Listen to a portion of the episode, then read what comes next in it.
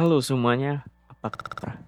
Balik lagi bersama kita Rune Lovers dan masih bersama gua tentunya Alhadi. Pada podcast kali ini gua akan cerita lore dari si Victor. Nah, pasti kalian penasaran bagaimana sudut pandang dari si Victor dari podcast Lord Jace yang sebelumnya. Dan tanpa basa-basi lagi, mari kita segera menuju ke Runeterra. Victor, si mesin herald. Si pembawa era baru dalam teknologi.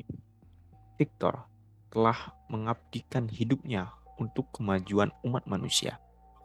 Seorang idealis yang berusaha mengangkat orang ke tingkat pemahaman yang baru. Ia percaya bahwa hanya dengan memahami dan merangkul sebuah evolusi teknologi yang gemilang, maka potensi penuh dari umat manusia dapat diwujudkan. Dengan tubuh yang diperkuat baja dan ilmu pengetahuan, Victor dengan semangatnya mengejar mimpi dan masa depan yang cerah ini. Victor sendiri lahir dari kota Zaun di perbatasan Entresol dan didorong oleh orang tuanya yang merupakan seorang pengrajin, Victor menemukan hasrat akan sebuah penemuan dan juga sebuah pembangunan dia mengabdikan setiap menit untuk belajar. Dia tidak suka diganggu saat dia sedang bekerja. Bahkan makan atau tidur ia tidak pedulikan. Karena baginya meninggalkan pekerjaan walaupun untuk waktu yang singkat adalah sesuatu yang laknat bagi Victor. Namun hal itu tidaklah mudah bagi Victor. Karena jika ada tumpuhan bahan kimia, maka harus segera pindah. Terkadang terjadi ledakan yang tidak disengaja, atau ada awan kimia yang masuk. Dalam upaya untuk memastikan semua sesuai dengan aturan dan perintah dalam dunianya, Victor meneliti banyak kecelakaan di kota Zaun dan menyadari bahwa hampir semua penyebab kecelakaan adalah akibat dari adanya kesalahan manusia, bukan kegagalan mekanis sebuah mesin. Karena itulah Victor menawarkan jasanya kepada pembisnis lokal untuk mengembangkan penemuannya yang mana akan membuat lingkungan kerja mereka jauh lebih aman dan jauh dari kecelakaan kerja. Namun apa daya, sebagian besar menolaknya. Tetapi satu pebisnis tertarik dengan ide Victor, dan dia adalah Fred Derson, si James Ford. Dia memberi kesempatan pada ide dari pemuda yang sungguh-sungguh ini. Penemuan Victor dalam otomitasi yang mengurangi jumlah kecelakaan di bengkel menjadi nol dalam waktu satu bulan. Dengan segera, perusahaan lain mencari karyanya dan desain Victor menjadi umum di Zone. Karena ide Victor meningkatkan produksi dengan setiap inovasi yang menghilangkan kesalahan manusia dari suatu proses. Pada usia 19 tahun, Victor terkejut ditawari tempat di Akademi Teknologi Zaun yang bergengsi. Tetapi karya Victor telah menarik perhatian Profesor Stanwich dari Piltover yang meyakinkan untuk meninggalkan Zone dan pergi ke Akademi Piltover sebagai gantinya. Di sana, dia bisa bekerja di laboratorium paling canggih dan mendapatkan akses ke semua sumber daya yang dapat ditawarkan kota kemajuan. Senang karena dipilih, Victor menerima tawarannya dan tinggal di Piltover di mana dia dapat menyempurnakan keahliannya dan berusaha menyempurnakan teorinya dengan cara yang akan menguntungkan semua orang.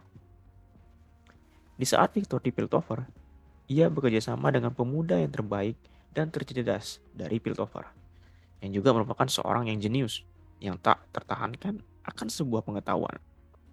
Dia bernama Jace. Keduanya sama-sama cocok dalam kecerdasan tetapi ada sebuah perbedaan di mana Victor orangnya metodis, logis, dan teliti, sedangkan Jace orangnya pelamboyan dan arogan. Keduanya sering bekerja sama, tetapi tidak pernah benar-benar menjadi teman. Seringkali keduanya akan bertentangan dengan persepsi mereka tentang intuisi melawan logika dalam sebuah proses penemuan. Tetapi tingkat saling menghormati berkembang karena masing-masing melihat dalam sebuah kecemerlangan ada kekurangan pada masing-masing karya. Di tengah studinya di Piltover, terjadi tumpahan bahan kimia yang menghancurkan seluruh distrik di kota Zone. Tumpuan kimia itu cukup besar dan membuat Victor harus kembali ke kampungnya untuk menawarkan bantuan dalam upaya penyelamatan para warga yang di sana. Dengan mencangkokkan serangkaian loop kognitif yang canggih pada teknologi automata yang ada, ia membuat sebuah golem yang dibuat khusus untuk tugas penyelamatan itu. Golem itu adalah Blitzcrank. Blitzcrank berperan penting dalam proses penyelamatan banyak nyawa dan tanpa sengaja juga telah mengembangkan tingkat perasaan yang melampaui apa pun yang dibayangkan oleh Victor. Ada begitu banyak tumpuan kimia yang ada. Victor tetap berada di zone untuk membantu mereka yang terkena racun kimia tersebut. Dengan bantuan golemnya, dia mencoba menggunakan kecemerlangan teknologinya untuk menyelamatkan mereka yang hidupnya telah dirusak oleh tumpuan kimia tersebut. Upaya tersebut pada akhirnya tidak berhasil dalam mencegah lebih banyak kematian dan setelah kejadian tersebut, Victor membebaskan Blitzcrank yang membuat keduanya berpisah. Meskipun Victor putus asa karena hilangnya banyak nyawa di zone akibat kecelakaan tersebut, tapi kejadian tersebut mengajarinya banyak hal tentang mengenai anatomi manusia dengan teknologi dan memunculkan pemikiran bagaimana anatomi manusia ini dapat ditingkatkan dengan teknologi. Kemudian ketika Victor kembali ke Piltover, beberapa minggu kemudian ditemukan bahwa Profesor Stanwich ini telah mengadakan sebuah simposium atau presentasi mengenai Blitzcrank dan mempresentasikan penelitian penelitian itu atau hasil karya Blitzcrank sebagai miliknya dan bukan hasil dari ide Victor. Victor tidak terima dan mengajukan keluhan secara resmi kepada para master kampus untuk ditindaklanjuti. Namun apalah daya, Klaimnya Victor yang berapi-api bahwa dia telah merancang Blitzcrank tidak didengarkan sama sekali oleh para master kampus dan juga yang lainnya. Bahkan dia mencoba menoleh ke Jace untuk meminta bantuan untuk mempublikasi klaimnya soal Blitzcrank. Akan tetapi rekan mahasiswa tersebut menolak untuk berbicara dan hal itu membuat hubungan mereka semakin memperlebar keretakan yang ada. Pada akhirnya masalah itu diputuskan dan dimenangkan oleh Profesor Stanwich. Pahit yang dirasakan oleh Victor. Dan akhirnya ia memutuskan untuk mengundurkan diri dan merelakan masalah tersebut. Victor akhirnya kembali ke dalam studinya, mengetahui bahwa tujuan utamanya untuk membuat kehidupan orang lebih baik dan meningkatkan kemanusiaan jauh lebih penting daripada sebuah proyek curian dan sebuah ego yang terluka. Dia terus berkarya dan menemukan cara baru untuk menghilangkan kesalahan serta kelemahan dari manusia, dari ide dan pemikirannya. Dia melihat keterlibatan manusia dalam setiap bagian dari suatu proses sebagai penyimpangan yang tidak efisien. Pandangan yang ia miliki membuatnya bertentangan dengan banyak rekan mahasiswanya dan juga profesornya. Karena mereka melihat Victor seperti mencoba ingin menghilangkan kecerdikan dan kecerdasan manusia serta kreativitas. Akhirnya tibalah kejadian titik balik Victor saat pada saat kolaborasi dengan Jace untuk meningkatkan pakaian selam yang digunakan untuk menjaga dermaga di Piltover agar bersih dari puing-puing bawah air dan sisa-sisa limbah kimia. Setelah Victor dan Jace tersebut disempurnakan agar memungkinkan pemakaiannya untuk lebih dalam dan bertahan di bawah air lebih lama, serta dapat mengangkat beban yang lebih berat dari mereka. Jadi maksudnya itu lebih enteng. Akan tetapi banyak pemakai pakaian tersebut mengklaim bahwa mereka melihat cahaya mayat hantu di kedalaman dan menderita halusinasi yang disebabkan oleh bahan kimia di dalam air. Ketika penyelam mengalami gejala itu, mereka kemudian menjadi panik dan sering membuat diri mereka sendiri ataupun rekan sama penyelam terbunuh. Victor melihat masalah tersebut bukan dari masalah teknis, dari pakaian tersebut. Namun karena masalah pada saraf pemakainya yang terurai di kedalaman air. Akhirnya untuk membantu hal itu, Victor mencoba merancang helm Champion yang memungkinkan para operator untuk melewati respon ketakutan yang dialami tersebut dan secara efektif mengendalikan penyelam yang menyelam namun Terjadi sebuah diskusi panas antara Victor dan Jis tentang ide tersebut yang dianggap melawan kehendak dan kebebasan dan juga menganggap itu bagian dari perbudakan mental mental. Diskusi itu hampir menjadi sebuah ajang kekerasan dan akhirnya keduanya bersumpah kalau tidak pernah bekerja sama lagi. Jess kemudian melaporkan kejadian itu kepada para master perguruan tinggi dan Victor dikecam karena melanggar martabat dasar manusia. Meskipun di mata Victor keadaannya akan menyelamatkan banyak nyawa. Akhirnya dia dikeluarkan dari perguruan tinggi dan dikembalikan ke laboratorium lamanya di Zaun dan merenung dalam kemuakan dengan persepsi sempit para penduduk Piltover. Sendirian di kedalaman, Victor tenggelam dalam depresi berat, mengalami periode introspeksi yang traumatis selama berminggu-minggu. Dia berdilema dalam etika yang sekarang ini ia hadapi. Dan dalam kerunungan itu ia menemukan bahwa sekali lagi emosi dan kelemahan manusia telah menghalangi jalannya. Dia telah mencoba untuk membantu untuk meningkatkan tingkat manusia di luar kemampuan alami mereka untuk menghindari kesalahan dan menyelamatkan nyawa mereka sendiri. Akhirnya sebuah pemikiran datang ketika dia menyadari bahwa dia juga telah menyerah pada emosi seperti itu membiarkan keyakinan naifnya bahwa niat baik dapat mengatasi prasangka yang mendarah daging yang membutakannya terhadap kegagalan manusia. Victor tahu dia tidak bisa mengharapkan orang lain untuk mengikuti ide yang ia miliki. Jadi secara rahasia, dia mengoperasi dirinya sendiri untuk menghilangkan bagian-bagian daging dan jiwanya yang bergantung atau dihambat oleh yang namanya emosi. Ketika operasi selesai, hampir tidak ada lagi jejak pemuda yang telah melakukan perjalanan ke Piltover tersisa. Dia telah menggantikan sebagian besar anatomi tubuhnya dengan augmentasi mekanis, dan keperbedaannya juga ikut berubah. Harapan idealisnya untuk masyarakat yang lebih baik disempurnakan menjadi obsesi dengan apa yang disebutnya glorious evolution atau evolusi agung. Victor sekarang melihat dirinya sebagai pelopor masa depan depan maloran. Mimpi ideal di mana manusia akan meninggalkan daging demi argumentasi ekstek superior. Ini akan membebaskan umat manusia dari kesalahan fatal dan penderitaan. Meskipun Victor tahu itu adalah tugas yang tidak dapat diselesaikan dengan mudah ataupun cepat.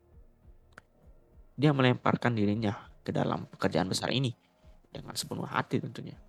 Dia menggunakan augmentasi teknologi untuk membantu membangun kembali Zontis atau kota Zone yang terluka dalam kecelakaan. Menyempurnakan mekanisme pernapasan dan bekerja tanpa lelah untuk mengurangi efisiensi manusia dengan memisahkan fisik dan emosi. Walaupun karyanya menyelamatkan ratusan nyawa, akan tetapi mencari bantuan Victor bisa berbahaya karena solusinya sering membawa konsekuensi yang tidak terduga. Tetapi, jika ada orang yang berputus asa atau kalian yang berputus asa, maka Victor adalah orang yang dituju. Beberapa orang di kota Zon mendengar fragmen filosofi Victor dan melihat keberhasilan karyanya tersebut. Beberapa dari mereka bahkan menganggap Victor sebagai sosok Mesias. Akan tetapi, Victor tidak peduli dengan mereka. Victor melihat mereka sebagai kultus religius yang menyimpang. Nah, penyimpangan itu menjadi alasan lain untuk menghilangkan kelemahan emosi manusia dan pemahaman akan sebuah kepercayaan yang tidak dapat dibuktikan secara empiris. Suatu hari, sebuah peristiwa beracun terjadi di Sam dan mengakibatkan ratusan pria dan wanita di Factory Wood berubah menjadi psikotik fanatik. Victor kemudian terpaksa menggunakan obat penenang yang kuat untuk membius para korban dan membawa mereka kembali ke laboratoriumnya untuk mencoba dan memperbaiki kerusakan pada diri mereka. Namun, racun mulai menggerogoti sebagian otak mereka. Dan beruntungnya, Victor mampu memperlambat proses degeneratif tersebut dengan membuka tempurung kepala mereka dan menggunakan mesin untuk menyaring aliran darah mereka secara perlahan. Akan tetapi, teknologi yang tersedia tidak sepenuhnya berhasil. Terlebih di Sound, berbeda teknologinya dengan Piltover. Dan Victor tahu banyak orang yang akan mati jika saja tidak dapat menemukan cara untuk meningkatkan mesin pencaharnya.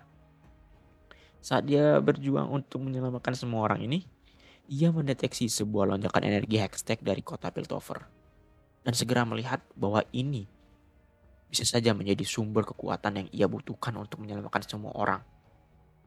Akhirnya, dia mengikuti gelombang energi yang kuat tersebut dan menuju ke laboratorium Jace. Victor meminta Jace untuk menyerahkan sumber kekuatan tersebut, yaitu kristal yang berdenyut dari gurun Shurima. Akan tetapi, mata anaknya itu menolak permintaan Victor dan membuat Victor tidak punya pilihan selain mengambilnya dengan paksa. Setelah pengambilan paksa itu, ia dengan segera kembali ke kota Zaun dan mengaitkan kristal aneh tersebut ke mesinnya dan menyiapkan wadah golem uap jika saja setiap orang yang menderita tersebut tubuhnya menyerah di bawah tekanan prosedur. Diberdayakan oleh kristal baru, mesin Victor mulai bekerja dan secara bertahap kerusakan dari racun mulai pulih. Karenanya tersebut dapat menyalakan semua orang-orang ini. Jika saja Victor mempertahankan bagian dari kemanusiaannya, dia mungkin saja akan merayakan dan melompat kegirangan layaknya anak kecil. Namun, hanya sedikit senyuman yang ia izinkan untuk dirinya sendiri. Sebelum prosesnya selesai, Jace yang pendendam masuk ke laboratoriumnya dan menghancurkan setiap sisi laboratorium dengan palu berenergi miliknya mengetahui orang bodoh yang sombong seperti Jace tidak akan pernah mendengarkan alasan apa pun. Victor memerintahkan para robot untuk membunuh Jace. Pertempuran ganas itu berakhir ketika Jace menghancurkan kristal yang diambil Victor dan membawa seluruh gudang laboratorium Victor ke dalam longsoran baja dan batu, sehingga mengakhiri keberadaan orang-orang yang ingin Victor coba selamatkan. Kemudian Jace kembali ke Piltover dan dianggap sebagai pahlawan oleh orang Piltover. Beruntung, Victor dapat lolos dari kehancuran laboratorium tersebut. Dan ia kembali ke misinya untuk memperbaiki umat manusia dengan membersihkan diri mereka dari dorongan emosional yang merusak manusia itu sendiri. Dalam pikiran Victor, serangan terburu-buru Jace hanya membuktikan kebenaran ketujuannya dan memperkuat keinginannya untuk melepaskan beban kemanusiaan dari kegagalan tubuh manusia tersebut. Victor mengirim preman yang ditambah bahan kimia untuk menyerang laboratorium Jace Victor mengatakan pada dirinya sendiri, ini bukanlah untuk balas dendam, akan tetapi untuk mengetahui apakah ada pecahan kristal Surima yang ia biasa gunakan untuk kemajuan umat manusia. Namun sayang sekali, serangan itu tidak berhasil dan Victor tidak lagi memikirkan hal tersebut. Sebaliknya, ia terus memikirkan sebuah upaya untuk menemukan cara-cara di mana umat manusia dapat digiring melampaui kelemahan emosional mereka dan dibawa ke tahap evolusi mereka yang baru dan lebih masuk akal. Pemikiran dan penelitian semacam itu terkadang dianggap telah melampaui batas yang jauh dari etis di kota Piltover dan mungkin Zaun. Akan tapi itu semua adalah langkah yang ia perlukan dalam mewujudkan Victor Glorious Evolution atau evolusi agung Victor. Baiklah, sekian cerita dari lore dari si Victor, si mesin Herald. Herald itu maksudnya adalah pembawa, pembawa apa namanya, pembawa sebuah alat dari kerajaan kayak gitu. Cerita tersebut bagi gue sendiri cukup menarik karena baik Victor dan Jace memiliki sudut pandang yang berbeda dan kita tidak bisa bilang bahwa Jace jahat ataupun Victor yang jahat. Namun ada bagian yang menarik buat gue yaitu saat terjadinya kecelakaan di bagian factory wood. Di sana terjadi keracunan yang mengakibatkan orang menjadi psikotik, fanatik. Nah, mungkin aja ini penyebab kenapa si Jinx bisa berubah menjadi gila. Yang ditandai dengan bola mata Jinx yang berwarna pink. Ya pink ya, pink, pink ungu. Jadi nggak sabar buat nonton acara nantinya, acara Arkin tentunya. Oke, jangan lupa kalian nonton ya hanya di Netflix dan dapat juga kalian tonton di arcane.com untuk episode perdananya atau Act 1 ya. Oke. Sampai berjumpa lagi di cerita dunia League of Legends berikutnya. Stay safe and keep calm. Gua Aldi. Salam hangat. Bye bye.